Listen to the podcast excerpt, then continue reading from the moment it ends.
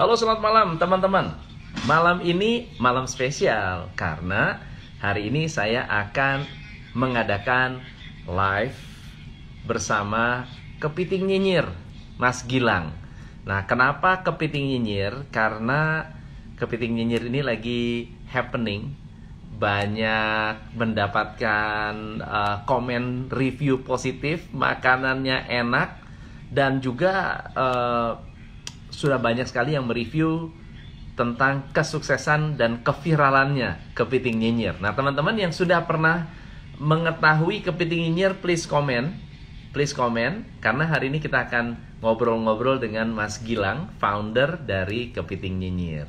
Dan uh, buat anda yang uh, boleh cek dong Anda dari mana ya please share kita akan belajar banyak bagaimana sih uh, kepiting nyinyir ini dimulai lalu berapa modal awalnya nah, itu kan penting sekali tuh berapa sih modal awal dari kepiting nyinyir ini dan bagaimana bisa sampai sukses dan viral kita pengen dengar dan kita ingin belajar tentunya kalau kita uh, berpikir tentang bisnis, banyak sekali orang berpikir wah kalau bisnis itu harus uh, apa ya? Harus modal besar. Bisnis itu harus punya interior yang luar biasa, yang mewah, ya. Lalu kemudian bisnis itu harus ada apa ya namanya? Pokoknya harus harus inilah harus bermodal besar lah. Apakah yes seperti itu? Kalau kita dengar dari Mas Gilang nanti ya kira-kira gimana sih bisa membuat bisnis itu sukses maju apakah harus offline apakah online dan gimana bisa berprestasi seperti kepiting nyinyir? Wah halo Tokonyong Pardiansyah eh luar biasa. Ami halo dari Bali luar biasa. Gandhi Seno Yusuf yes.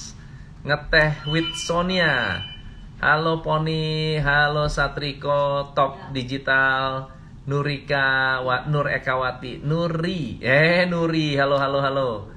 Ah, Barak Cake. Wah ini kita belajar dengan uh, uh, uh, teman yang sangat-sangat keren banget. Nah coba kita lihat ya apakah beliau sudah hadir? Sebentar. Oh, belum muncul. Ya, tar tar. Oke, teman-teman. Jadi uh, sedikit cerita dulu ya. Kepiting nyinyir ini saya mendapatkan banyak sekali request sebetulnya dari klien-klien saya. Di mana mereka cerita kepiting nyinyir itu hanya modal gojek aja bisa top Marco top luar biasa. Gimana bisa begitu? Wah, jadi gimana ya? Ya saya bilang kayaknya saya harus undang live lah. Kita siapa tahu bisa belajar banyak dan juga teman-teman pasti pengen belajar juga dari kepiting nyinyir. Yuk kita sambut. Wih, Mas Gilang. Lu Hai, Coach. Wow. Eh, suaraku aman gak?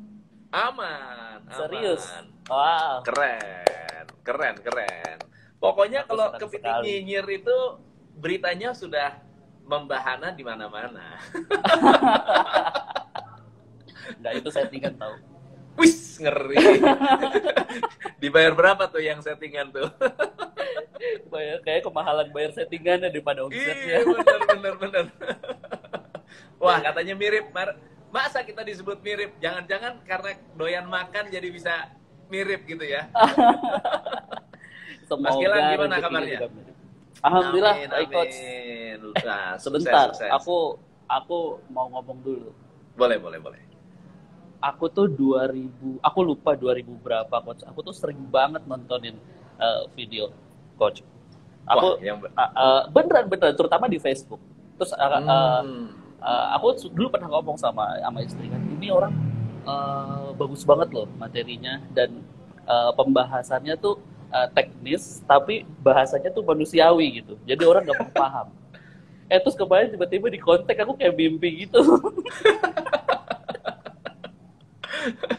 itu itu alam semesta sudah sudah berkonspirasi jadi konspirasi berulang-ulang saya dengar uh -huh. kepiting nyinyir lagi, kepiting nyinyir lagi ya teman-teman anak kantor. Wah, mhm. kepiting nyinyir Pak, lagi rame Pak, kepiting nyinyir Pak.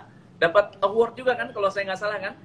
Iya, kita 2017 dapat Gojek Award, lalu 2020 ini kita top 10 apa ya, business opportunity to franchise gitu kalau salah. Wah. Padahal Wah. kami tidak franchise. Jadi saya bilang, wah kepiting nyinyir. Tapi saya pikir-pikir, aduh biasanya startup-startup yang keren-keren begini mana mau diundang sharing beginian saya bilang gitu ah, gitu kan justru aku bilang oh gimana ya mau nggak ya ya coba deh coba aku minta tolong deh sama teman-teman di sosial media coba deh mudah-mudahan mau mau sharing dengan teman-teman jadi follower saya rata-rata semua UKM dan mereka senang belajar jadi kita hari ini banyak pengen sharing nih, Mas Gilang nih. Siap, coach. Oh, Oke. Okay. So jadi ceritain dong sejarahnya kepiting nyinyir tuh gimana sih? Sejarahnya kepiting nyinyir. Jadi uh, aku tuh sudah bisnis online itu udah mulai dari zamannya toko bagus. Kalau oh. mungkin ingat. Ya oke, kan? oke, oke, oke. Toko bagus sekarang udah jadi OLX. Jadi eh, OLX. nyebutin nyebutin brand, oke okay, kan? Aman. Apa -apa siapa tahu pancingan kan jadi sponsor gitu. Oh, eh? Mudah-mudahan ya siapa Amin. tahu ada yang minat. Amin. Nah, uh, sudah uh, waktu itu belum belum belum fokus di Instagram. Banyak banget hal yang ku jual uh, nyoba banyak barang sampai akhirnya one day aku mikir uh, kita perlu jualan yang nggak mudah diduplikasi nih.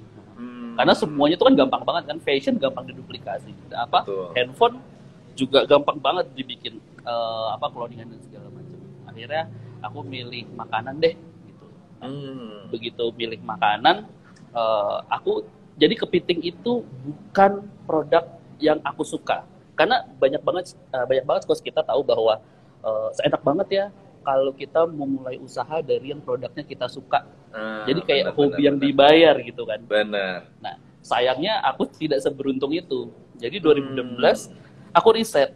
Aku riset uh, kira-kira produk apa sih yang lagi tren dan akan uh, akan akan masih masih masih punya jangka waktu tren yang lama gitu 2016 yeah. aku cari di sosial media datanya. Akhirnya keluarlah dua waktu itu olahan daging sama olahan hmm. seafood oke okay.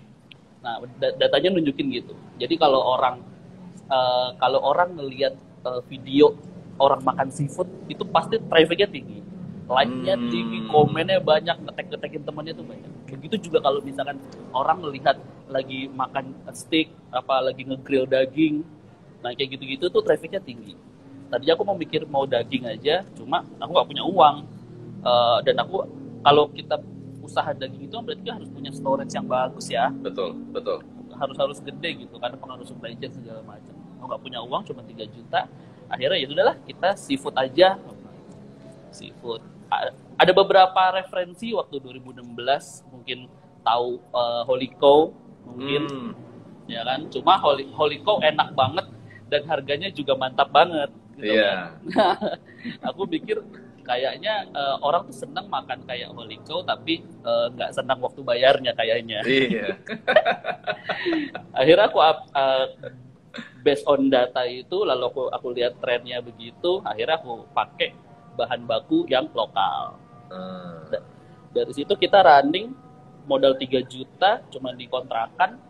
Memang mem memang memang sudah kepikiran bahwa ini harus online ya. Ini nggak ada nggak ada tempatnya. Karena kita mikir selama ini orang uh, bisnis kuliner itu selalu berlomba-lomba bikin tempat yang bagus. Selalu berlomba-lomba bikin uh, ambience yang bisa dijual. Malah banyak yang jualan tempat dibanding jualan si produk. Jualan makanan ya.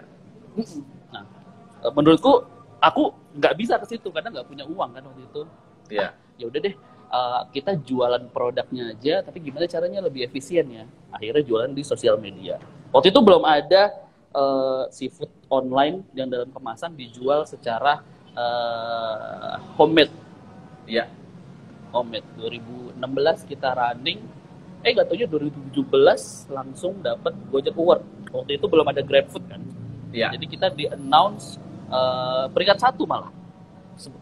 Pertama tuh uh, uh, award pertama untuk merchant-merchant GoFood itu namanya Gojek Award. Habis itu baru namanya merchant mitra juara GoFood atau apa gitu. Nah kita yeah. tuh pertama. Kita juara pertama, juara keduanya itu itlah atau flip burger gitu. Hmm. Itu gede-gede banget. Sedangkan yeah. kita ada di ada di kontrakan. Aku pikir, kok kita bisa menang gitu. Ternyata kita bisa menang. Pertama, kan memang harga kemasan harga makanan kita mahal kan. Jadi uh, eh, GMV-nya bagus paling tinggi. Terus yang kedua, karena semua penjualan kita lewat online dan hmm. 2015 2016 itu GoFood lagi mencari figur brand yang bisa growth 100% penjualannya online karena mendukung hmm. mereka punya campaign dong ya akhirnya uh, masuklah nominasi dan akhirnya kepilih udah semenjak itu sampai dengan sekarang uh, jadi jadi salah satu titik balik lah pastinya sampai dengan hari ini gitu. Jadi kalau masih ingat ya, dulu waktu memulai kepiting nyinyir ini, berapa hmm. modal awalnya? 3 juta dan balik balik modal dua hari.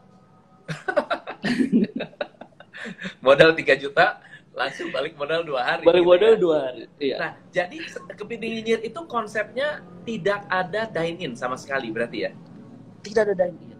Kita lihat uh, kalau ditanya kenapa, kalau jawabnya bercanda sih aku cuma bilang uh, aku malas cuci piring. Yeah. Coba kalau jawabannya serius adalah uh, semakin ke sini aku lihat online itu pasti akan berkembang. Ini di luar COVID ya. Aku yeah, aku tertarik yeah, yeah. kita akan bahas COVID. Karena betul, untuk COVID betul. aku malah naik. Nah, uh, online akan berkembang. Banyak orang yang berpikir bahwa kayaknya online ini musim-musiman aja deh. Kayaknya ah. online ini uh, cuma sebentar aja deh. Tapi aku melihat kayaknya enggak deh, karena internet harga paketan internet lebih murah. Banyak orang yang semakin banyak aplikasi. Nah, terus aku lihat yang tadi aku bilang kok orang kalau bisnis kuliner mikirnya gimana caranya tempatnya bagus supaya customer datang. Kalau aku kubalik, customer nggak usah datang ke tempat kita. Yang penting makanannya hmm. sampai. Jadi benar, menjadi problem solver buat teman-teman yang ada di uh, kota besar khususnya nggak usah effort datang ke tempat kita karena sering banget terjadi uh, dan aku yakin Pas juga pernah ngalamin janjian sama orang jadi telat karena ke situnya macet. Betul. Janjian sama orang jadi telat karena mau keluar parkiran atau parkirannya berebutan. Nah, iya. aku nggak punya uang untuk punya parkiran segede lapangan bola gitu. Tapi ternyata Bener. masih ada celah, yaitu kita nge-grab pasaran sosial media, orang lihat, orang pesen. Makanya itulah yang uh, pada akhirnya orang banyak bilang oh berarti kepiting uh, awal mulanya orang bilangnya ada yang bilang ghost resto ada yang bilangnya ghost kitchen ada yang bilang cloud kitchen ya karena memang uh, kita kita rubah mindset kalau bisnis online itu nggak perlu tempatnya bagus yang penting produknya bisa nyamperin customer jadi di mana pun customer berada kapan pun mereka mau pesan satu klik makanan sampai gitu. oke okay. ini keren banget karena konsep ini sebetulnya sudah menjadi konsep uh, kita sebutnya lean company, lean ya. startup. Jadi okay. lean startup itu adalah perusahaan yang berpikir terbalik daripada konsep bisnis biasa. Jadi kalau konsep konsep bisnis biasa kita restoran uh, banyak sekali pemborosannya, nungguin orang makan, ya orang yep. duduk nggak bayar, udah gitu yep. kita harus menyediakan waiter untuk nungguin. Nah kalau yes. ini benar-benar yang core-nya itu yang dijual. Yang dijual apa sih? Ya udah makanannya. Dan yes. yang menurut saya keren adalah uh, beraninya itu. Berani me me melakukan benar-benar tidak mainstream. Sangat-sangat tidak mainstream. Itu yang saya rasa saya tuh perhatiin ini hebat ini. Karena keberanian untuk tidak mainstream itu buat saya adalah satu hal yang ada dua kemungkinan kemungkinan pertama adalah memang jenius, kemungkinan kedua kepepet. Kayaknya kepepet sih. Tapi feeling saya pasti kalau kalau kalau tidak ada backup dari logika ya, logika ini orang mau jualan makanan, udah jual makanannya aja deh. Ngapain kita cuci piring? Ngapain kita piara uh, dishwasher? Jadi uh, semua value bisa dinikmati oleh customer kita, bukan dipakai untuk membayar biaya cost. Keren banget, keren banget. Uh, aku tuh masih melihat banyak distorsi di teman-teman yang uh, mau running usaha. Kebanyakan ini koreksi kalau aku salah ya. ya. Kebanyakan, terutama temanku lah katakanlah temanku tuh lebih senang kalau terlihat punya usaha besar karena ya. tempatnya bagus dibanding benar, benar. cash flow yang sehat. Betul. Gitu. Pada akhirnya temanku yang punya usaha itu memang tempatnya gede, memang tempatnya bagus, memang semuanya fasilitasnya oke, tapi nggak bisa tiup lilin ulang tahun. Bener. Bener. Belum ulang iya. tahun udah mati. iya. Dan dan kalau kita punya uh, kalau kita uangnya banyak banget mungkin kita nggak perlu sewa. Tapi permasalahannya kita selalu sewa. Nah sewa ini kalau offline ini kan masalah klasik. Begitu kelihatan rame dikit dinaikin kosnya dan segala macam. Yeah. kalau aku kan Benar. jadi pernah lucu chef apa coach? Waktu kita ruko di Bintaro. Kita di cabang hmm. pertama di Bintaro. Uh, begitu buka rame wajar lah namanya pembukaan kan? Rame rame rame. Terus minggu apa hari keempat itu yang punya kontrakan ibu-ibu datang punya ruko waktu itu. Terpaksa harus di ruko karena daerah situ uh, padat wilayah padat penduduk banget. Datang ibu-ibunya kaya, cantik. Uh, gelangnya banyak lagi kan. Datang gitu. Terus dia datang, datang pas Gilang. Wah, masih muda, keren banget. Uh, langsung rame gini jualannya. Berarti tempat saya ini hokinya Mas Gilang. Bawa hoki. iya, dia bilang gitu kan. Oh iya Bu, terima kasih. Iya, ih, ibu tuh senang kalau ngeliat anak muda bisnisnya udah jalan. Gitu dong, nanti ajar-ajar anak ibu. Iya siap. Usaha ibu dukung terus, Mas bilang usaha kamu. Kalau rame gini kan enak, tahun depan bisa naik kontrakannya. Gitu. baru baru empat hari. Baru empat hari. Astaga. Terus aku akhirnya ngomong sama Bu itu kan, e, Bu, uh, mohon maaf, kopi itu nggak kayak restoran pada umumnya. Maksudnya gimana Mas? Uh, kepiting nyir itu tidak butuh customer datang ke tempat kita. Hmm. Karena apa? Karena kita jual di sosial media. Maksudnya gimana, gimana mas? Ya kita tuh rame bukan karena tempat ibu bagus, aku bilang gitu. Kita tuh rame tuh karena sosial media kita bagus. Ibu, aku bilang gitu. Kasih waktu kita dua hari aja, nggak usah lama-lama, dua hari kita untuk pindah. Lalu aku setting titik Google Map, titik GoFood tambah GrabFood dan pindah. Tempat ibu sepi lagi. Tadinya nggak percaya dia.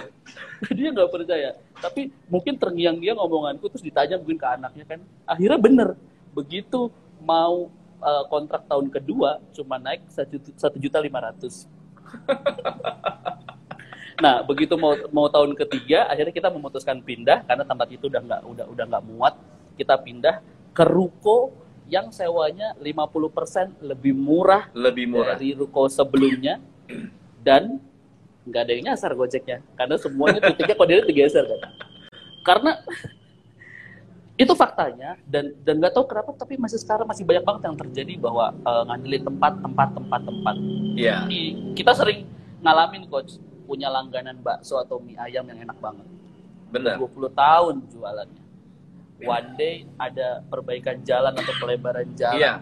Kena itu langsung. tahunya, kena begitu kena lalu dia pindah ke tempat baru. Emang semua pelangganannya tahu? Nggak ada. Mereka harus nggak lagi dari nol. Nah aku ngaca sama kayak gitu-gitu juga. Aduh aku nggak nggak kuat urusan kayak gini. Makanya harus kecil supaya bisa cepat menyelesaikan gitu. Oke okay. keren keren keren. Wah top. Nah jadi gini. Pada saat uh, mulai kan langsung mm-hmm. online. Bisa cerita nggak apa yang dilakukan sampai terjadi uh, viral? Apa yang okay. dilakukan kita melakukan tes food secara massal. Tes food secara massal. Tes food secara massal. Jadi yang yang teman-teman suka lupa kalau running bisnis uh, kuliner itu adalah tes food. Hmm. Dan mungkin mungkin pada ngelakuin tes food, tapi biasanya tes food ya sama keluarganya yang yeah. udah pasti dibilang enak. nggak enak kalau kalau iya. bilang nggak enak. iya, dan dan udah bilang enak begitu kita jualan dia nggak mau beli kan nyebelin ya. Iya, iya. Nah, kalau kopi tinggi beda. Kami modal 3 juta, 2 juta itu kita pakai untuk uh, beli bahan baku. Kita undang teman-teman kita 30 orang, Chef. Ke kita nyewa coffee shop teman gitu. Makan, sekalian cobain. Ya, sekalian perbaikan. Pertama, kita bisa perbaikan rasa dan bentuk yang tadinya berdasarkan ego kita. Sekarang kita bisa lihat publik menerima atau enggak. Kurang apa, lebih apa. Pertama itu. Terus yang kedua, kita bisa tahu waktu produksi yang sebenarnya Hmm. Karena kadang orang masak satu porsi enak, begitu masak 10 porsi masalah. Betul. Ya kan? Betul. Lalu ketiga, lalu selanjutnya kita cek SDM-nya. SDM itu sebenarnya kita butuh berapa? Orang temanku tuh banyak yang buka kafe SDM-nya langsung 9, langsung 10. nggak taunya iya. nggak ada yang kerja nggak taunya hmm. uh, banyak loss cost dan segala macam iya gitu nah aku sekali ngecek uh, ngecek ngecek men, ngecek bentuk dan rasa ngecek SDM ngecek waktu produksi sama terakhir aku ngecek alat yang aku pakai. Hmm. karena ini memang konsepnya mau di dapur kira-kira alat dapur apa sih yang masih bisa kepake mana yang harus di upgrade mana yang enggak? Terkadang kita tuh suka lupa ngelihat mau jualan ayam goreng ngelihatnya uh, apa kitchennya KFC semuanya dibeli. Jualannya masih sekelas ayam goreng gerobakan kan masalah. Benar benar di, benar benar. di depan. Nah dari situ setelah mereka cobain gratis kan? Sekalian aku todong untuk uh, bantuin promo uh, bantuin mereka posting nah okay. postingan mereka itu 30 30 nya posting besoknya uh, mereka posting bareng terus mutual kan jadi, jadi, jadi tersajes teman-temannya pada beli balik modal nah semua semua dokumentasi di awal itu aku jadiin testimoni. Sebenarnya sih testimoni yang dan tanda kutip maksa ya, karena kan produknya waktu test food belum final. Cuma nggak apa-apa, itu itu untungnya teman. nah udah begitu bergulir dan kepiting nyinyir ini uh, menurutku ada ada beruntungnya coach. Beruntungnya tuh kita uh, lahir di momen yang pas. Belum ya. belum ada belum ada leadernya, belum ada market leadernya di waktu waktu Benar. kita lahir tuh. Jadi gampang untuk merebut positioningnya uh, orang jadi punya acuan gitu kan. Hmm. Sekarang kalau dilihat banyak banget teman-teman yang jual kepiting, cuma rata-rata pasti lebih lebih lebih murah dari kita. Nah, betul, enaknya betul. menjadi apa masuk di momen yang pas kan kita bisa jadi market leader dan sekalian jadi acuan gitu. Kita benar, mau jual harga berapa. Ngomong-ngomong, sekarang cabangnya ada berapa? Uh, 4 OTW 5. Dapur kita bilangnya dapur. Iya, dapur ya, dapur. Hmm. Empat OTW. Tapi kenapa harus banyak dapur? Gimana, Coach? Kenapa uh, memutuskan untuk membuka banyak cabang? Sebenarnya alasannya cuma satu. Karena makin hari orang mas, uh, makin mempertimbangkan ongkir. Hmm. Oke. Okay. Dulu uh, ini ini ini uh, kalau aku boleh uh, lanjutin cerita tadi karena ini berkaitan jadi kalau kita bisnis kuliner khususnya online itu kita harus cepet-cepetan masuknya supaya hmm. uh, momentumnya dapat di kita, viralnya dapat di kita. Gitu. Sekaligus kita bisa menentukan menu, kita bisa menentukan harga, kita bisa menjadi pemain, kita bisa uh, ngacak-ngacak awal lah. Ya. Karena menjadi masalah kalau di saat kita cuma modifikasi. Uh. Contohnya, kalau misalnya kita cuma modifikasi ayam geprek misalkan ya, tanpa ya. mendiskriminasikan uh, produknya, cuma ini yang terjadi adalah ayam geprek sekarang ada yang bilang ayam geprek punya aku lebih gede ayamnya. Ada mozzarella-nya apa segala macam. Uh. Semua orang bisa melakukannya. Iya. Nasinya lebih banyak. Semua orang bisa melakukannya. Uh, harganya paling murah. Semua orang bisa ngelakuinnya. Tapi hmm. kalau masuknya di momen yang tepat, ingat nggak sih dulu kan ayam geprek harganya sempat 30 ribuan tau dan enak. Iya. Sekarang benar, benar. jadinya begitu. Nah, akhirnya kita viral 2016 sampai dengan sekarang dulu orang masih ada di masa-masa bahwa wah gue ongkir berapapun nggak apa-apa yang penting gue bisa nyobain makanan yang lagi hits dulu zamannya kayak gitu, ya. gitu. Benar. jadi ongkirnya sampai 50 ribu 60 ribu 100 ribu it's okay nah ya. ternyata di tahun 2017 dan seterusnya kita mulai mengalami kendala ternyata nggak nggak nggak semua orang uh, pengen uh, apa ya aku bilangnya bela-belain mereka mau beli produknya tapi nggak selamanya mereka punya uang lebih untuk ongkir karena 75% customer kita tuh perempuan coach kalau mungkin yeah. coach belum uh, belum pernah ya? terasa 75% hmm. ini ini ini sedikit fakta tentang perempuan kalau hmm. belanja online teman-teman teman-teman kita yang uh, perempuan itu punya uang satu juta untuk transaksi 22 juta untuk transaksi, 500 ribu untuk transaksi online, tapi di saat dia tahu ongkirnya 40 ribu, 30 ribu, cancel. cancel. Bener. Dasar perempuan. Pusing kan? Akhirnya aku mapping lagi kan, daerah mana aja sih yang yang yang yang paling banyak uh, pembelinya gitu kan terus mana aja potensial potensial loss locationnya mana aja begitu aku udah dapat akhirnya aku buka di situ jadi lebih lebih lebih, lebih murah uh, secara ongkirnya sampai dengan hari ini gitu. nah jadi kalau cerita tentang uh, marketing berarti kan mm -hmm. ada di awal tuh uh, 30 orang ini dikasih makanan uh, kita undang kayak soft opening, test food, yep. lalu kemudian mereka melakukan posting. Uh, yep. Diatur nggak harus postingnya apa, cara postingnya bagaimana, yang mesti dikomen bagaimana? Dulu, ini, ini kita cerita dulu, yang waktu pertama yeah. itu. Oh diatur pastinya. kan udah ditraktir makan gratis. Iya. kita atur karena kita tahu uh, karena gini orang tuh uh, lagi-lagi ya orang orang tuh sering uh, sering pengen punya bisnis dan pengen banget di hari pertama hari kedua hari ketiga langsung sold out Iya. Masalahnya, siapa yang tahu produknya dia kalau dia belum ngiklanin? Dan iklan itu kan juga perlu proses dari orang nggak tahu, jadi tahu, penasaran, sampai akhirnya beli, jadi langganan. Itu prosesnya kan ya. panjang.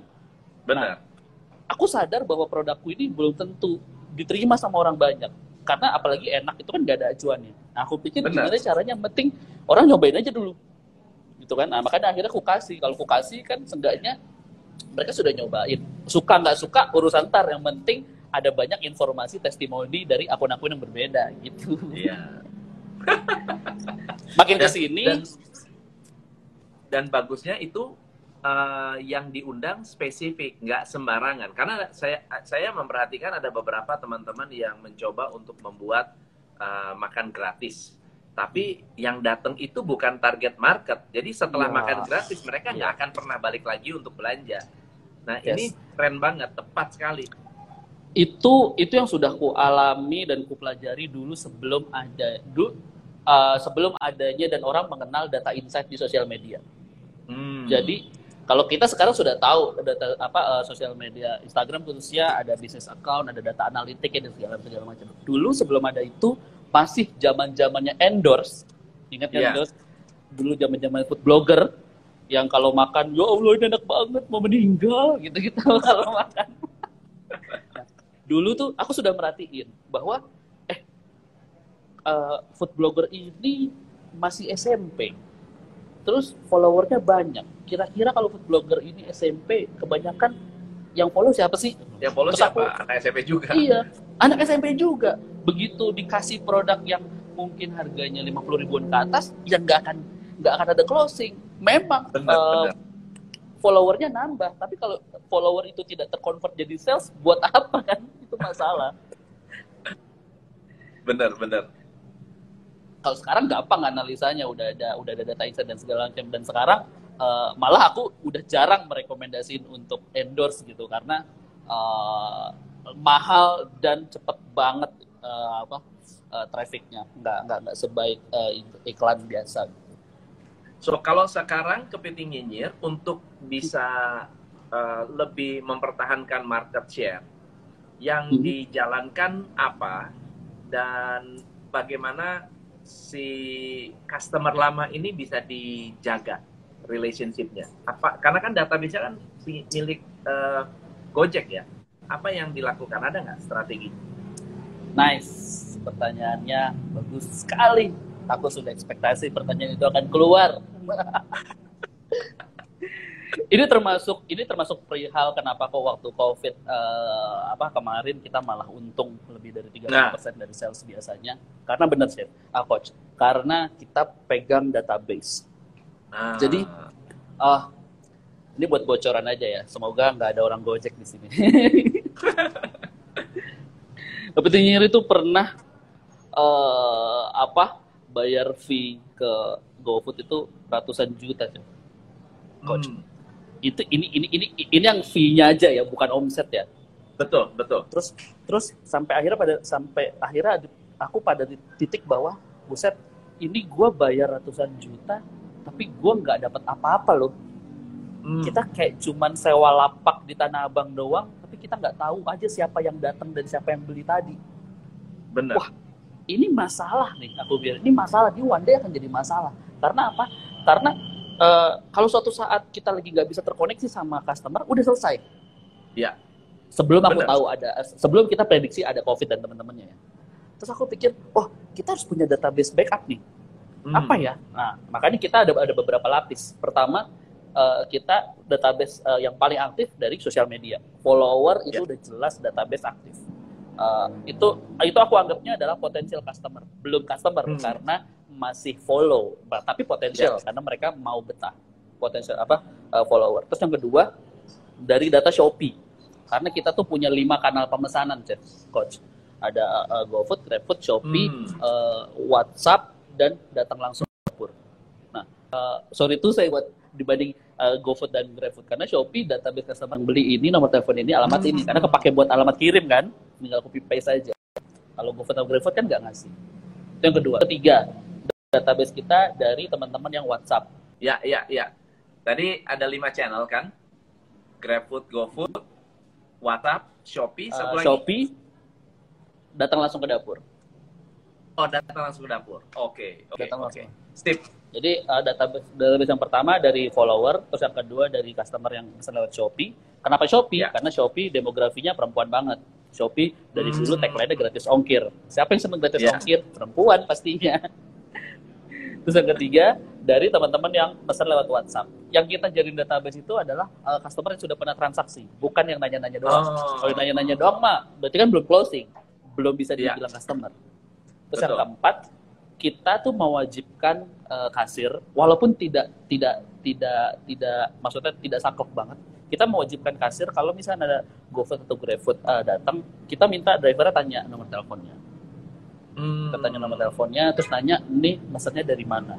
Kita catat ya. atau kita langsung save di handphone, lalu masuk ke POS kita, supaya apa? Pertama kita dapat database ya, terus kedua kita bisa tahu order ini datangnya dari mana aja sih dari satu titik ini. Karena kan nanti ini pengaruh kita mau netikin iklan. Ya. Karena karena oh. sering terjadi misalkan ordernya titiknya di sini. Lalu apa pemesanan uh, lima teratas dari titik A, B, C, D dan E. Ternyata pas dilihat dari Google Map, oh ini radiusnya cuma 3 kilo.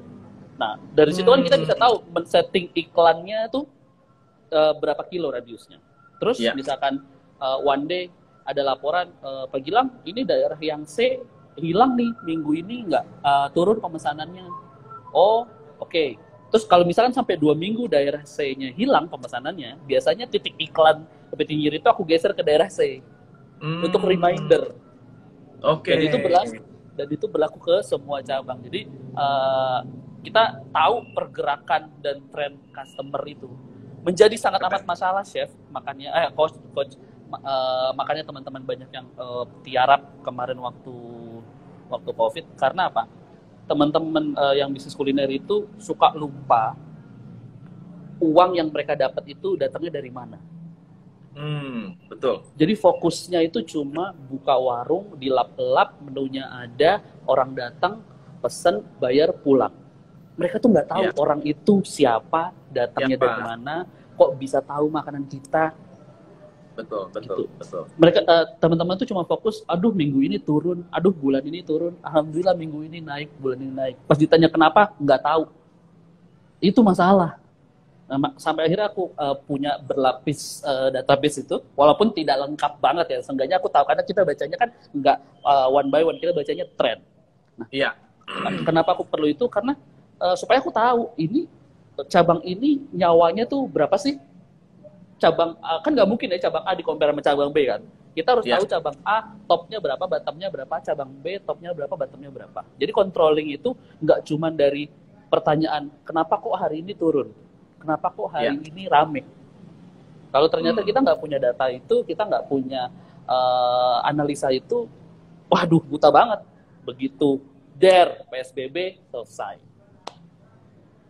Jadi harusnya pas COVID bagus dong. Bagus, bagus banget.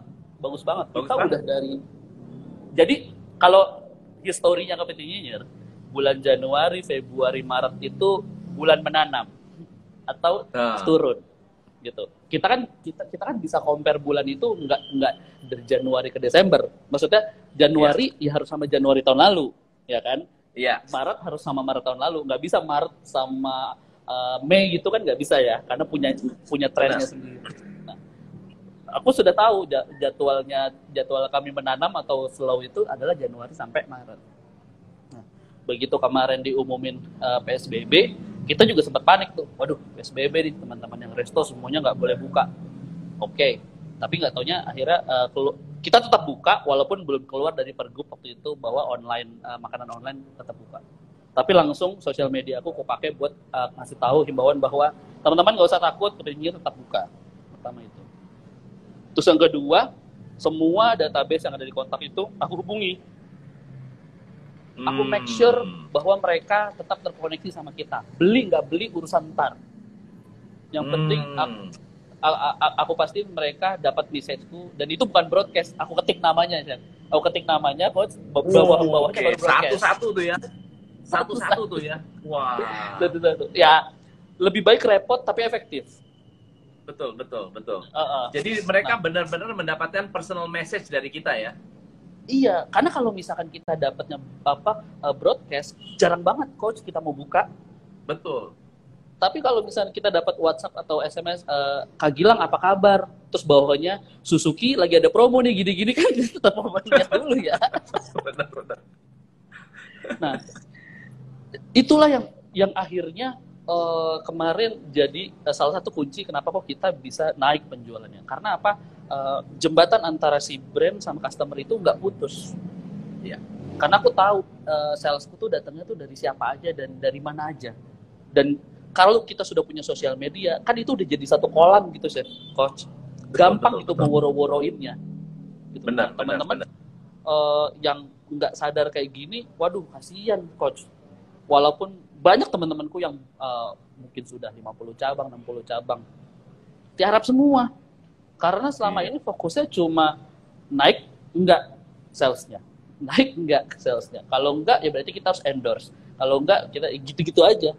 Salah sih enggak, tapi enggak bisa cara lama dipakai untuk jualan hari ini. Menurutku ya. Cakep, cakep.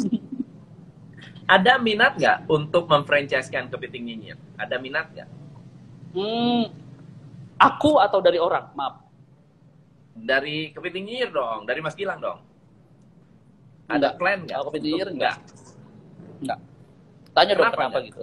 Ah, gitu. Kenapa, kenapa enggak? Itu pertanyaannya, kenapa enggak? Nice. Gini coach, uh, mungkin aku uh, punya pemikiran yang mungkin nggak banyak orang setuju, tapi aku ini aku bercerita tentang angleku. Jadi kepiting ini adalah uh, brand yang membesarkan namaku. Orang dari nggak tahu jadi tahu. Aku belajar banyak banget teman-temanku yang namanya sudah diharumkan sama brandnya, tapi akhirnya masuk lumpur juga karena brandnya. Hmm. Nah, aku berpikir bahwa kayaknya yang paling penting dari pebisnis itu adalah kita tahu company size. Oke. Okay. Kita tuh tahu kita tuh sudah sudah sampai uh, maksudnya bukan limit ya aku bicaranya. Ini ini kalau kita lebih dari ini kita ngaco nggak ya? Kita kalau kita yeah. lebih dari ini kita masalah nggak ya? Bukannya bisa yeah. tahu nggak? Karena karena aku mikirnya adalah uh, jangan sampai ini nama brand uh, bikin aku harum tapi yang bikin aku jatuh juga karena sering terjadi di temanku khususnya temanku karena uh, apa uh, banyak yang usaha kuliner. Mereka nggak tahu kapan limit dan kapan uh, kapan mereka merasa bahwa oke okay, sudah sampai sini nih brandnya. Sampai akhirnya tiap hari dibedakin terus gitu brand. Hmm. Tiap hari dikasih lipstick terus. Permasalahannya tidak semua uh, perempuan semakin di make up semakin kelihatan cantik. Benar. Harus benar, ada benar. limitnya tetap harus ada limitnya. Nah aku aku juga melihat kayak gitu. Oke okay, uh, KPT apa KPT sudah ngasih banyak aku uh, hal baik sampai dengan hari ini.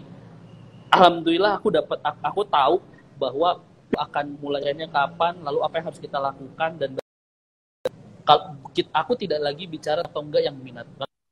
Kalau ditanya sih banyak banget coach cuma masalahnya uh, karena aku tahu aduh kayaknya kalau lebih dari ini akan ngaco deh. Nah akhirnya aku tahan udah deh. Kepitingnya sudah jadi demikian uh, lima cabang. Lima cabang itu uh, cabang terakhir. Tahun depan itu akan menjadi cabang terakhir. Udah tidak akan ada lagi. Cuma aku akan bikin holding. Sekarang sudah hmm. sekarang sudah sudah mulai uh, sudah mulai jalan uh, holding seafood. Uh, karena uh, dapat rezeki dari seafood ya udah mainnya di seafood aja dari A sampai Z. Cuma kalau untuk competitornya uh, kayaknya enggak. Karena aku sudah tahu uh, dalamnya. Sebagai sebagai contoh, mungkin coach masih kurang paham.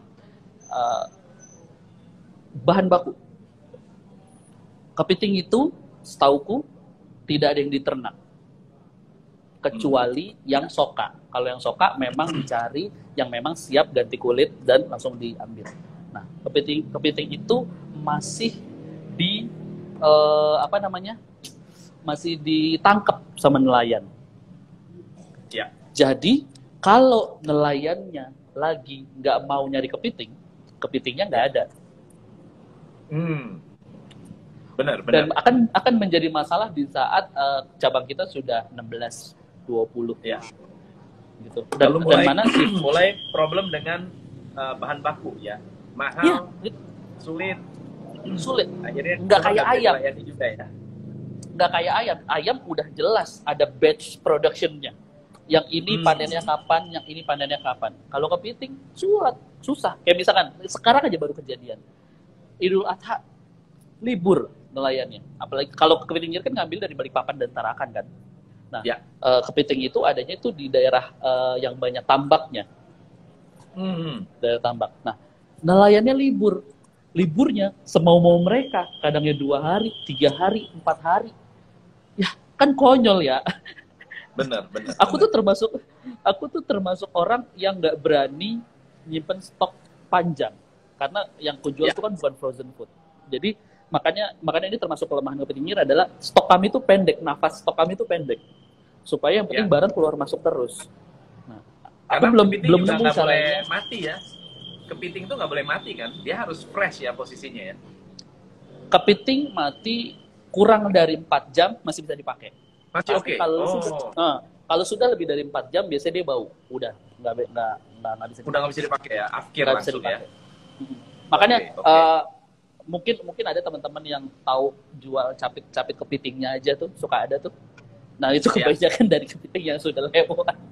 Udah Karena coba perhatiin deh, rata-rata daging kepiting yang capitnya aja itu uh, ini enggak ini aku bukan ngejelekin tapi memang ini faktanya buat teman-teman tahu aja. Uh, daging capit yang kan suka dijual ya capitnya aja gitu kan. Coach yeah, yeah. itu dagingnya nggak semanis kalau kita makan kepiting. Dagingnya oh, kayak yeah, udah sepak gitu. Nah ngerasain kan? Nah itu biasanya betul. pakai kepiting yang sudah mati memang. Memang dia tidak bau karena sumber baunya itu dari badannya dari dari organnya. Karena capit kan di sini yeah. kan. Tapi memang yeah. rasanya berkurang apalagi udah dikasih bumbu udah kasih apa segala macam pasti udah hilang lah amisnya gitu ya iya betul jadi jadi nggak ada manisnya lah Nah, itu okay. itu salah satu alasan juga kenapa kok kami uh, tidak belum menerima franchise enggaknya. Tapi okay, untuk brand okay. selanjutnya bisa. Oke, okay, oke. Okay. Nah, so ini ini ini pertanyaan uh, agak apa namanya? agak uh, sebetulnya tadi nyambung dengan supply chain dan sekarang yang kedua adalah tentang bagaimana Mas Gilang melihat um, tren kehidupan masyarakat ke depannya yang kemungkinan besar akan berpikir tentang hidup sehat. Nggak mau makan makanan kolesterol tinggi. Kira-kira itu ya. akan ada pengaruh nggak? Oke. Okay. Yang uh, yang uh, sorry cek, sorry kok. Tapi pertama apa? Maaf. Jadi kalau supply chain kan kita mengerti bahwa akan ada kendala dari supply chain okay. karena okay. Uh, supply-nya bisa bisa terganggu kalau sampai cabangnya begitu banyak.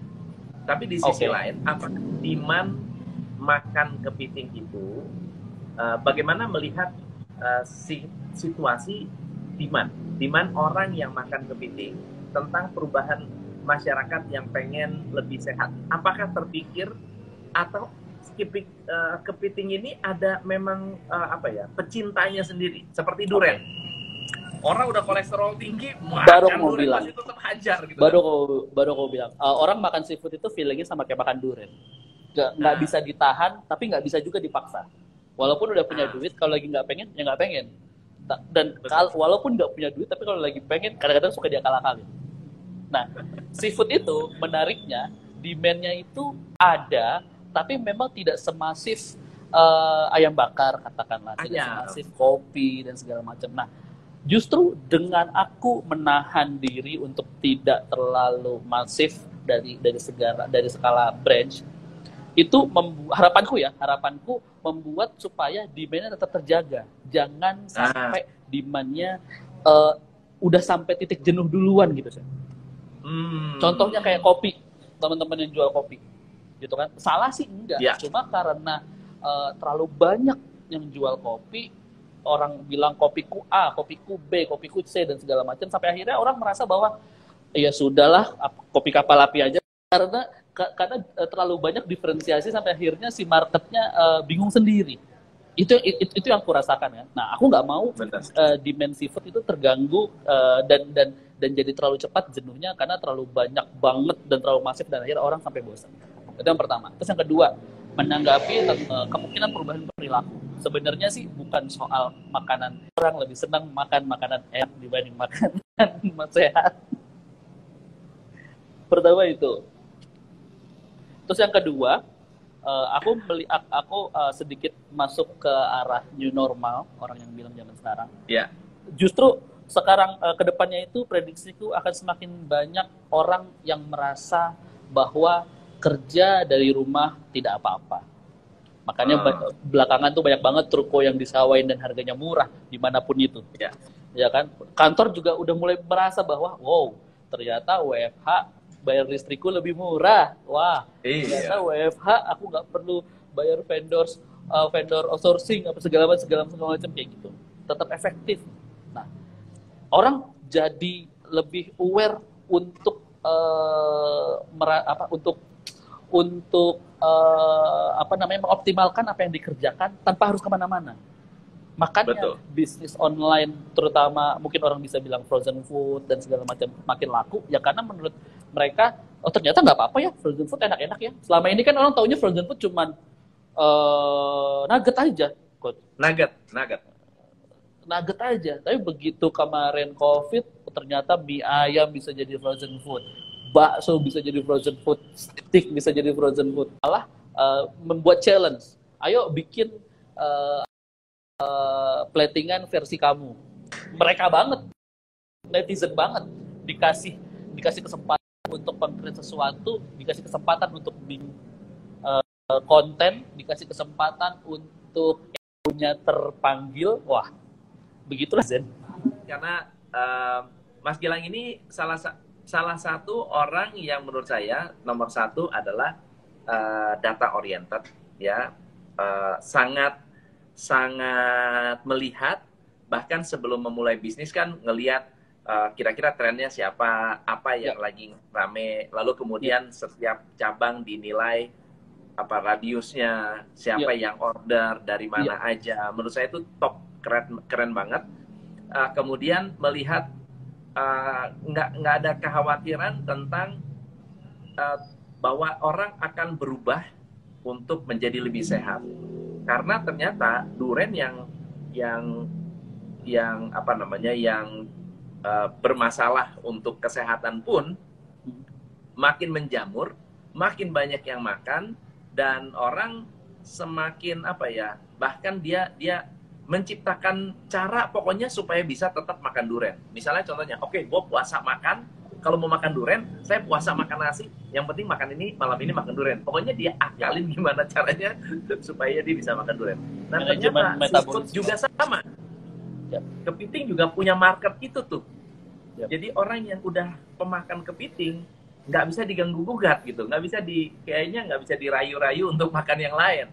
Pokoknya yeah. kalau gue udah mau makan kepiting, gue mau makan kepiting gitu kan.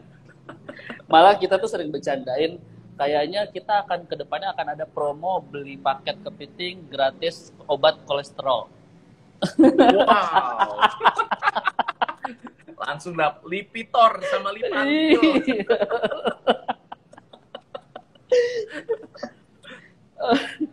Menurutku chef ya ini koreksi lagi aku kalau aku salah. Uh, uh, banyak banget teman-teman yang merunning uh, usaha. Kita bicara makanan aja lah, kita F&B pengen jadi nomor satu se-Jakarta, pengen jadi nomor satu se-Indonesia, pengen jadi nomor satu se-Instagram atau se-sosial media.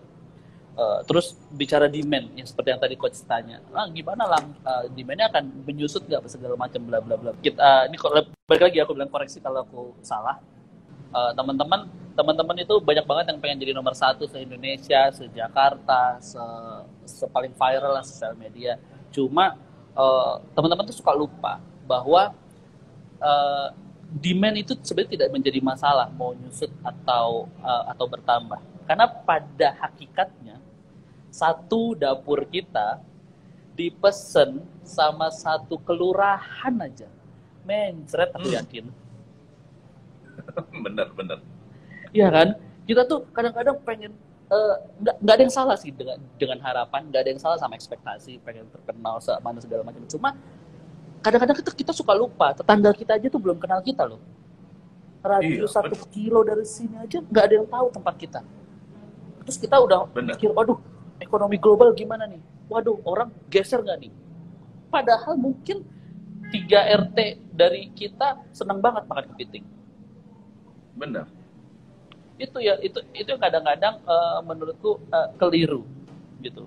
Terus orang banyak yang nanya, gimana caranya datangin uh, apa? Uh, gimana caranya tetangga-tetangga itu tahu uh, kalau ada dapur kepiting nyinyir di situ? Ya aku bilang jawab pas jelas iklan gitu kan. Uh, kalau kita nggak ngiklan, jelas nggak ada yang tahu ini menurutku menjadi kekeliruan lagi uh, buat teman-teman yang baru running usaha khususnya kuliner teman-teman kalau aku boleh berpesan ya coach teman-teman uh, sadar nggak sih yang bikin customer datang ke tempat kita tuh bukan AC yang nyaman di tempat kita yang bikin customer datang itu bukan bangku meja yang pas duduknya yang yeah. bikin customer kita datang itu bukan mesin kopi kita yang ratusan juta tapi iklan kita sampai nggak ke handphone mereka Benar.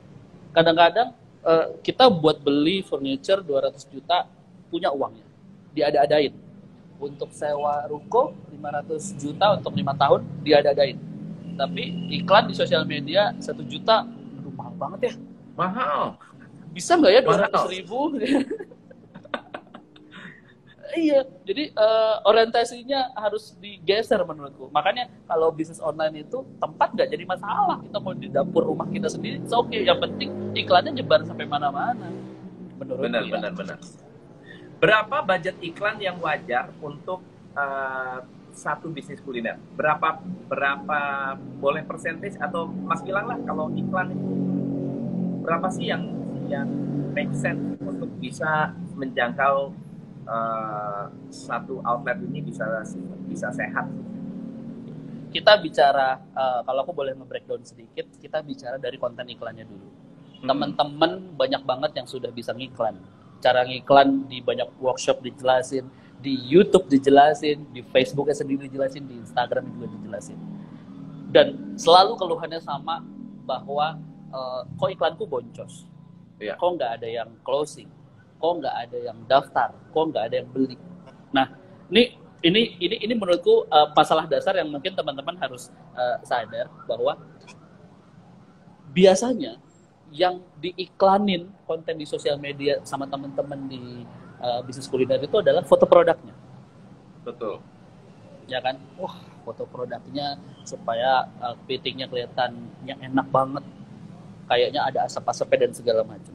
Diiklanin itu mau 200 ribu kayak sehari kayak mau 300 ribu seminggu kayak nggak ada masalah nggak taunya nggak ada yang beli yeah. akhirnya kapok iklan karena boncos dan segala macam padahal dari materi iklannya aja menurutku sudah salah yeah. karena karena menurutku coach uh, koreksi kalau aku salah apa uh, kalau kita uh, mempromokan kontennya adalah produk dan tidak ada ajakan untuk beli yaitu bagian dari branding mau cuma pengenalan aja Betul. Kecuali kalau kita ada perintah untuk beli buy one get one kah? Uh, kalau ke sini hari Rabu pakai baju batik dapat ini kah? Kalau ada arahan untuk uh, tujuannya ke closing, itu baru datengin closing. Jadi kalau menurutku iklan ada dua, ada iklan yang bentuknya pengenalan atau branding, sama iklan yang memang konversinya ke sales. Nah ya. teman-teman yang sering terjadi adalah uh, yang diiklanin adalah foto produknya, yang mana itu sebenarnya cuma buat pengenalan, tapi berharap ada konversi sales. Jadinya kan nol ya, gitu. Ya. Nah, kalau budget menurutku seminggu 200 ribu untuk new entry itu cukup asal uh, cukup banget asal uh, pertama jaraknya kita tahu. Makanya kalau kita nggak punya data, kan jaraknya kita bikin se Indonesia Raya ya. Iya. Iya kan? Tapi kalau misalkan kita punya data, kan kita bisa tahu berapa kecamatan yang mau kita grab. Gitu ya. aja dulu. Nah, kalau kita sudah punya data itu, uh, kita sudah tahu berapa radiusnya. Radius itu kan menentukan efektif budgetnya kan? Betul. Ya kan? Budget kita 200 ribu tapi radius kita cuma satu kilo, itu udah banyak tahu. Benar. Tadi Bener budget banget. kita budget kita 10 juta radius se Indonesia Raya nggak akan efektif. Betul, betul. Kalau menurutku mulai dari 200 ribu oke. Okay. Coba kalau nyinyir uh, biasanya kami Eh, satu uh, juta seminggu. Jadi aku boleh tambahin sedikit coach. Kunci sukses jualan di sosial media itu hanya dua. Yang pertama budget iklannya gede banget atau satu lagi jago bikin konten yang bagus. Karena hmm. pada akhirnya uh, apa sebaran konten atau sebaran ya sebaran konten ke banyaknya orang itu adalah goalnya semakin konten kita bagus nggak perlu kita lagi iklan. Karena konten udah bagus. Secara algoritma udah tersuggest tuh ke semua orang. Dek dek dek dek dek dek, yang nge-share banyak yang nge-save banyak yang like banyak yang komen banyak. Nah tapi kalau kita tahu kita nggak jago bikin konten yang bagus konten yang menarik uh, menurutku harus banyakin di budget iklannya. Oke. Okay. nah kalau kompetisi nyinyir kami alhamdulillah bisa dua-duanya. Jadi di saat kita lagi eh, nggak uh, mau ngiklan, nggak mau keluar duit gitu kan, wah semua konten-konten bagus kita sudah ada kalender kalender kontennya udah kita keluarin satu-satu. Analisa lagi, kenapa kok konten ini, kenapa kok konten itu. Cakep, cakep, cakep. Keren banget, dahsyat banget. Mas Gilang, ini hari ini saya banyak belajar, saya banyak dapat pencerahan untuk berani makan kepiting. Emang tadinya nggak suka kah? Apa memang nggak? Doyan, justru doyan okay. makan kepiting. Cuma okay. selalu situasinya apa? Ditahan-tahan, takut ini takut itu. Sekarang sudah harus berpikir tentang lipantil dan lipitor. apa? Uh, aku tuh punya fakta yang menarik. Jadi hmm kebetulan kan uh, aku ada uh, apa uh, sering dapat kesempatan coach untuk ngomong di sana sini keluar daerah juga. Dan uh, aku tuh selalu nyobain kepiting di setiap daerah. Terutama misalkan ada kesempatan ke Balikpapan sama Tarakan ya udah udah termasuk sering lah. Coba kalau kota-kota yang lain pasti aku nyobain seafood ya karena setiap kota tuh pasti punya satu juara seafood. Nah, okay. aku selalu cobain kepitingnya tahu nggak sih coach? Aku tuh setiap nyobain makanan uh, kepiting orang lain ya aku tuh nangis tuh enggak karena apa lebih enak punya mereka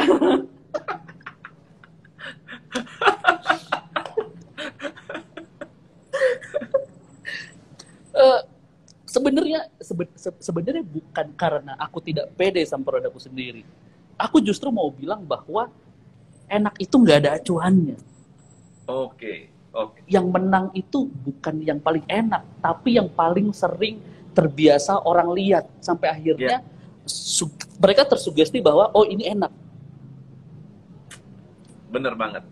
Menurutku karena karena ada pembiasaan yang diulangi. Hmm. Iya kan? Jadi semakin kita sering promo, semakin kita sering iklan sampai akhirnya kok di handphoneku iklan ini terus ya? Penasaran, beli deh. Itu kan sebenarnya orang kalau lihat iklan ya. Kalau berulang-ulang kepiting nyinyir lagi kepiting nyinyir lagi kepiting nyinyir lagi. Itu sebetulnya seperti mendapatkan wangsit. Ini jangan-jangan Tuhan meminta saya untuk makan kepiting hari ini. Oh. itu.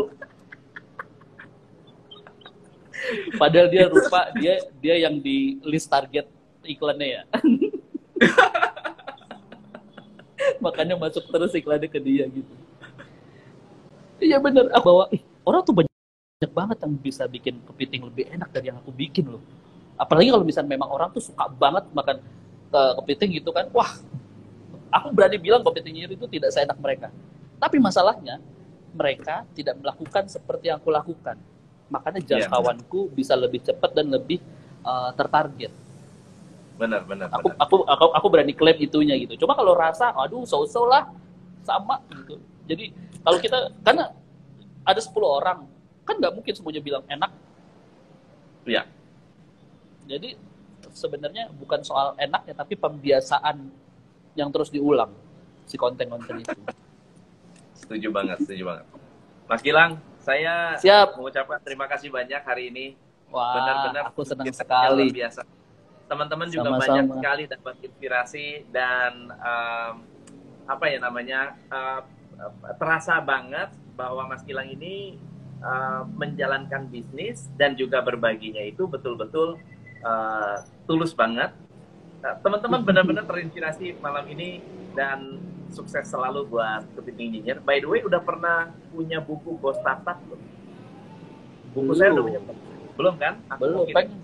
Nah, Asik. nanti WA aku alamat ya. WA alamat. Boleh. Ya. Coach, aku request dong one day Boleh. Kita bikin video bareng, tapi jangan live. Maksudnya satu akun aja gitu di akun coach aja jadi biar lebih biar lebih nggak terganggu koneksi gitu. Soalnya tadi aku banyak Ayo. banget ini ngeliat teman-teman yang pengen aja jadi eh, nggak apa nggak nggak nggak ke handle sama kita gitu. Iya benar. benar Kayaknya benar. sih antusiasnya nanti- bagus kayaknya ya. Iya, banget, banget. Jadi kita nanti next time mendingan ketemuan. Ya. kan? Bikin video, bikin video kita kita janjian, kita janjian. Iya iya iya. Beneran ya? Asik. Aku ketemu Aku idola. bawain Kameramen ya. Aku kameramen Siap. ya. Iya. Siap. Sip, Aku sip, yang sip. nyamperin nggak apa-apa. Wis, dah siap. Mas Gilang, thank you so much buat malam ini. Sama-sama coach. Aku terima kasih. Jangan lupa WA alamat. Senin aku kirim. Siap. Siap. Ya. Terima kasih banyak teman-teman Terima kasih semua. banyak yang sudah mampir. Thank you so much. You are the best. Jangan lupa Amin. dikepoin kepiting nyinyir. Belanja yang banyak. Makan kepiting not a problem. Mumpung ada kesempatan untuk makan kepiting yang nikmat. Oke, thank you so much. Dadah. Thank you Mas Gilang. Thank you. You are the Siap. best. Oke, Terima kasih. Thank you teman-teman. Ya, thank you. Jangan lupa uh, uh, say thank you uh, ke kepiting nyinyir yang sudah sukses luar biasa dan membantu kita tentunya ke Mas Gilang juga. Uh, ucapkan terima kasih. You are the best. Dan sampai ketemu lagi besok malam. Bye-bye. Hanya di Top Coach Indonesia.